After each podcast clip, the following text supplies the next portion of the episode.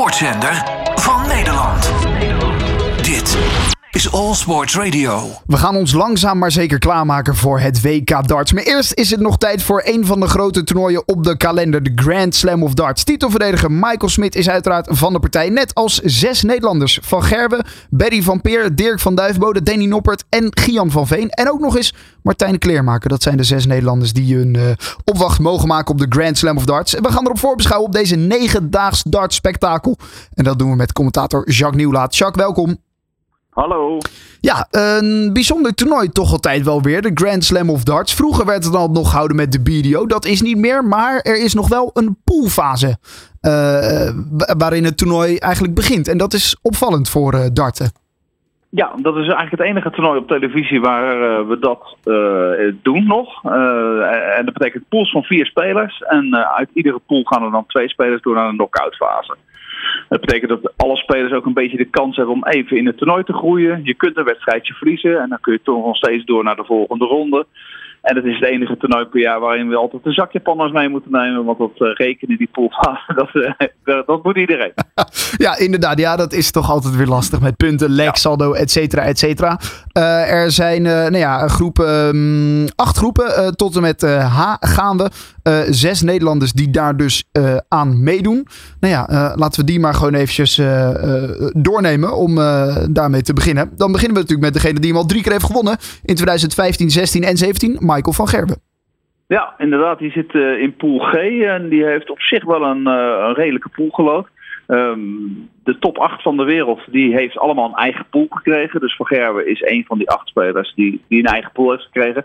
En het werkt een beetje de loting als ook bij de Champions League. Dus um, de beste teams die krijgen vervolgens een team uit pot 2, dan pot 3, dan pot 4. Dus uh, het is een beetje verdeeld over de qua sterkte van spelers. En dat betekent dat Van Gerwen in principe in een pool zit met drie spelers die nou, op papier in ieder geval een stuk minder dan hem zouden moeten zijn. Rob Cross is denk ik de sterkste speler die bij hem in de pool zit.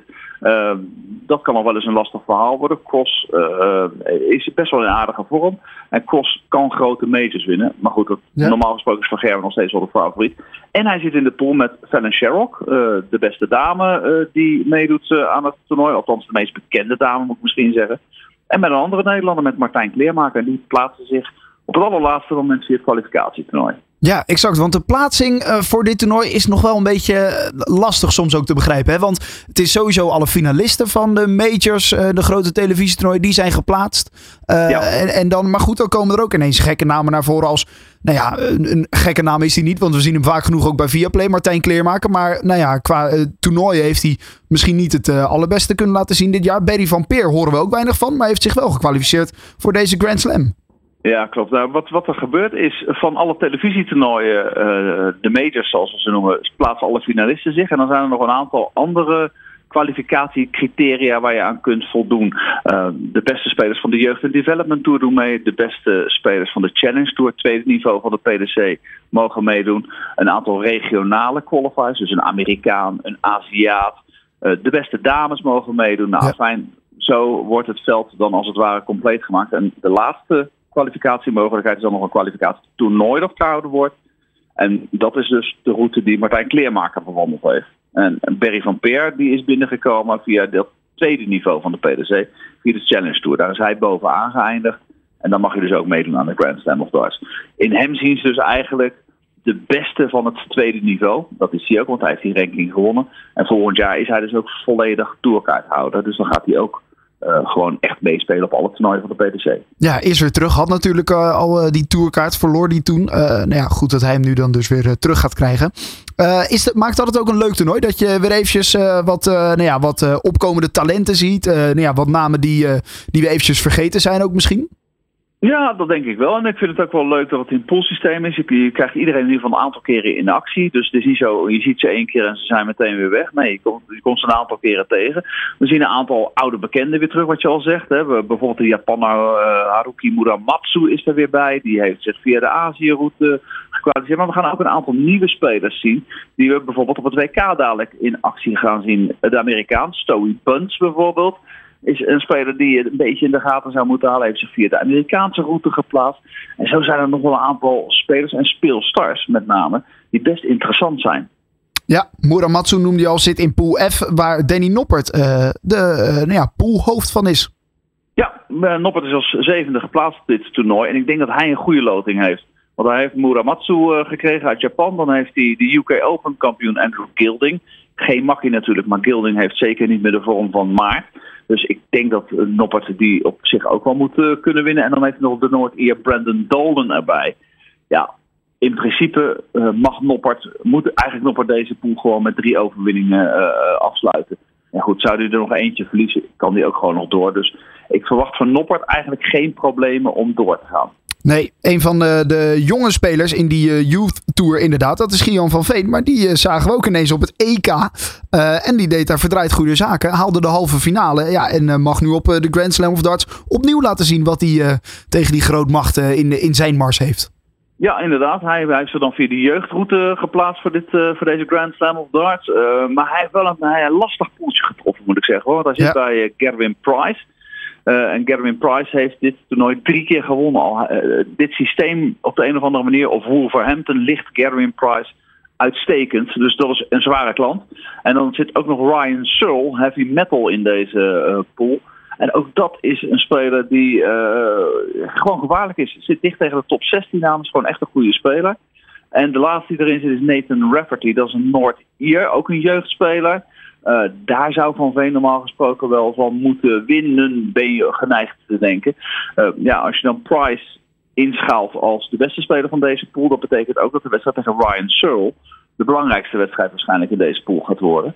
Uh, en, en dat is meteen de eerste wedstrijd van Van Veen. Dus de eerste wedstrijd voor Van Veen is meteen al een hele belangrijke, denk ik in ieder geval. Ja, en hij gaat zich ook nog opmaken voor de finale van het jeugd-WK, toch? Ja, klopt. Die speelt hij tijdens de Players Championship Finals. Dat is over twee weken. Uh, en dan, hij speelt ook de Players Championship Finals. Dus uh, dan kan hij nog een keer een televisietoernooi spelen. Nog een keer weer meer ervaring opdoen richting natuurlijk het belangrijkste toernooi van het jaar. En dat is het WK. En Van Veen staat er fantastisch op dit jaar. Hij echt een superjaar tot nu toe.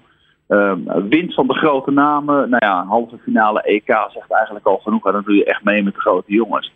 Um, Oké, okay, dat was nog allemaal onverwacht. Niemand verwachtte iets van hem. Ik heb deze week een aantal telefoontjes van andere media gekregen over wie vragen ze allemaal? Niet over Michael van Rer, maar ze vragen allemaal over Gian van Veen. Dus ik denk dat de druk op Van Veen dit toernooi al langzaam maar zeker iets anders gaat zijn. Ja, toch leek hij daar tijdens dat EK best wel soepel mee om te gaan. Ja, nee, dat klopt inderdaad. En, en dat is uh, een van zijn voorlopige uh, krachten. Uh, maar goed, je moet natuurlijk. Het is een jonge speler, hij is 21 pas. Dus er komt heel veel op hem af op dit moment. en het is, niet, het is niet alleen de druk die de buitenwereld op je legt, maar ook de druk die je op jezelf legt nu een halve finale EK gespeeld. Ja, je kunt de Grand Slam of Darts ingaan met het idee, hier moet ik ook weer een halve finale halen. Maar dat is echt lastig om, om dat te herhalen, dat soort dingen. Dus ik ben, ik ben wel heel benieuwd naar de aankomende, laat ik zeggen, zes maanden van Gian van Veen. Hoe die zich ontwikkelt nu de druk toch anders komt te liggen. Ja, ja begrijpelijk. Uh, zit natuurlijk uh, pools van vier opgebouwd. En de nummers 1 en 2 uh, gaan door van die pool. Nog wel even goed om daar natuurlijk bij te zeggen. Dirk van. Duivenbode steekt ook in een iets mindere vorm. En heeft dan ook nog wel een lastige pool. Met Luke Humphries, Gary Anderson en Steve Lennon. Ja, dat kun je wel zeggen. Ja, Van Duivenbode heeft een blessure aan, aan zijn arm. En, ja. en, dat is natuurlijk, ja, zo bij een darter natuurlijk altijd een vervelende blessure. Tijdens het EK had hij daar echt heel veel last van. Uh, was het dus moeilijk spelen voor hem. Um, ja, hij is er zelf altijd een klein beetje uh, uh, schimmig over wat er nou precies aan de hand is. Dat ligt ook een beetje in de aard van Van Duivenbode, denk ik. Hij wil niet heel graag in zijn kaarten laten kijken. En het is dus ook heel moeilijk om te voorspellen hoe hij er op dit moment voor staat.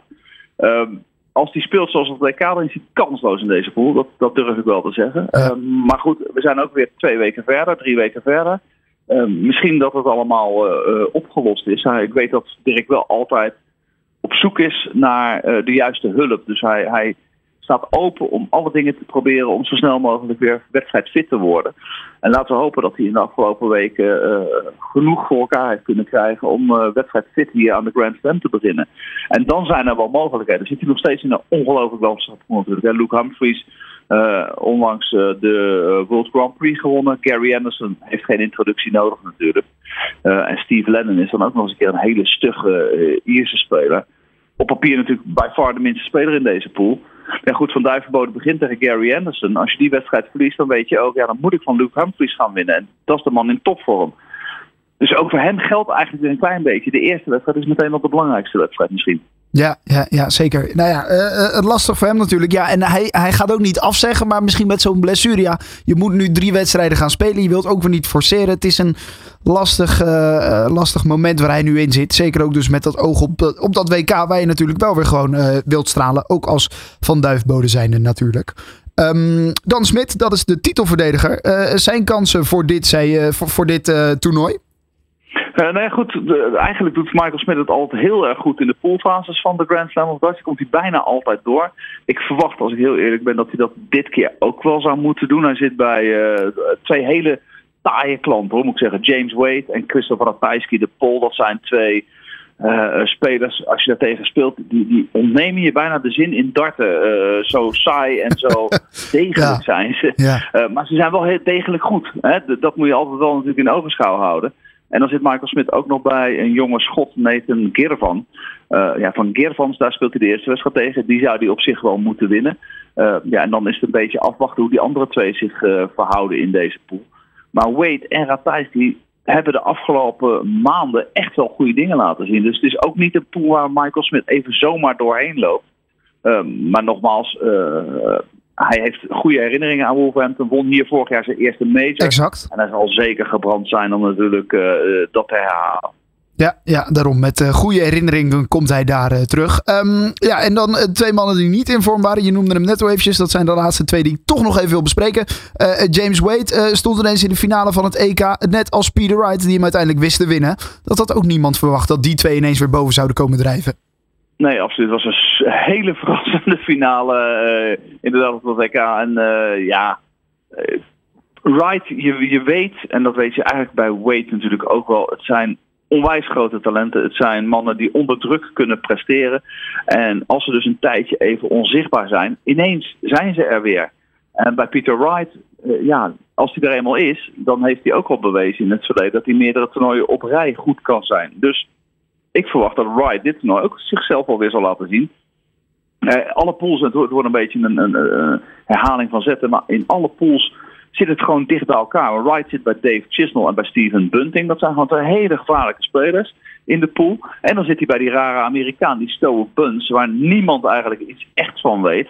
Behalve dat hij uh, een beetje lijkt op Peter Wright qua gedrag en uitstraling. Maar goed, dat moeten we ook nog maar even afwachten hoe dat zich hier manifesteert natuurlijk. Dus de eerste wedstrijd, die is uh, aanstaande zaterdagavond. Peter Wright tegen Stowe Buns. Die zou ik in ieder geval even kijken, want uh, dat kon wel een spektakel geven. Ja, nou, ik heb er weer helemaal zin in gekregen. Eigenlijk moeten we vanaf het begin erbij zijn, want er kunnen gelijk belangrijke wedstrijden gespeeld worden in die poolfase natuurlijk. Het zijn maar drie wedstrijden. Het is een kort, kort format, best of negen. Dus je kan ook zomaar die wedstrijd ineens verliezen als je net een break tegenkrijgt en het even niet jouw kant op valt. Nou ja, en je moet bij die top 2 van de pool eindigen. Dat is dan in ieder geval voor de eerste dagen het belangrijkste. Negen dagen dartspektakel in Wolverhampton. Het begint allemaal morgenmiddag al. Uh, op de zaterdag allemaal uh, te zien bij Viaplay. Jacques, dankjewel en veel plezier uh, de komende week. Ja, dankjewel. Jullie ook. De sportzender van Nederland. Dit is All Sports Radio.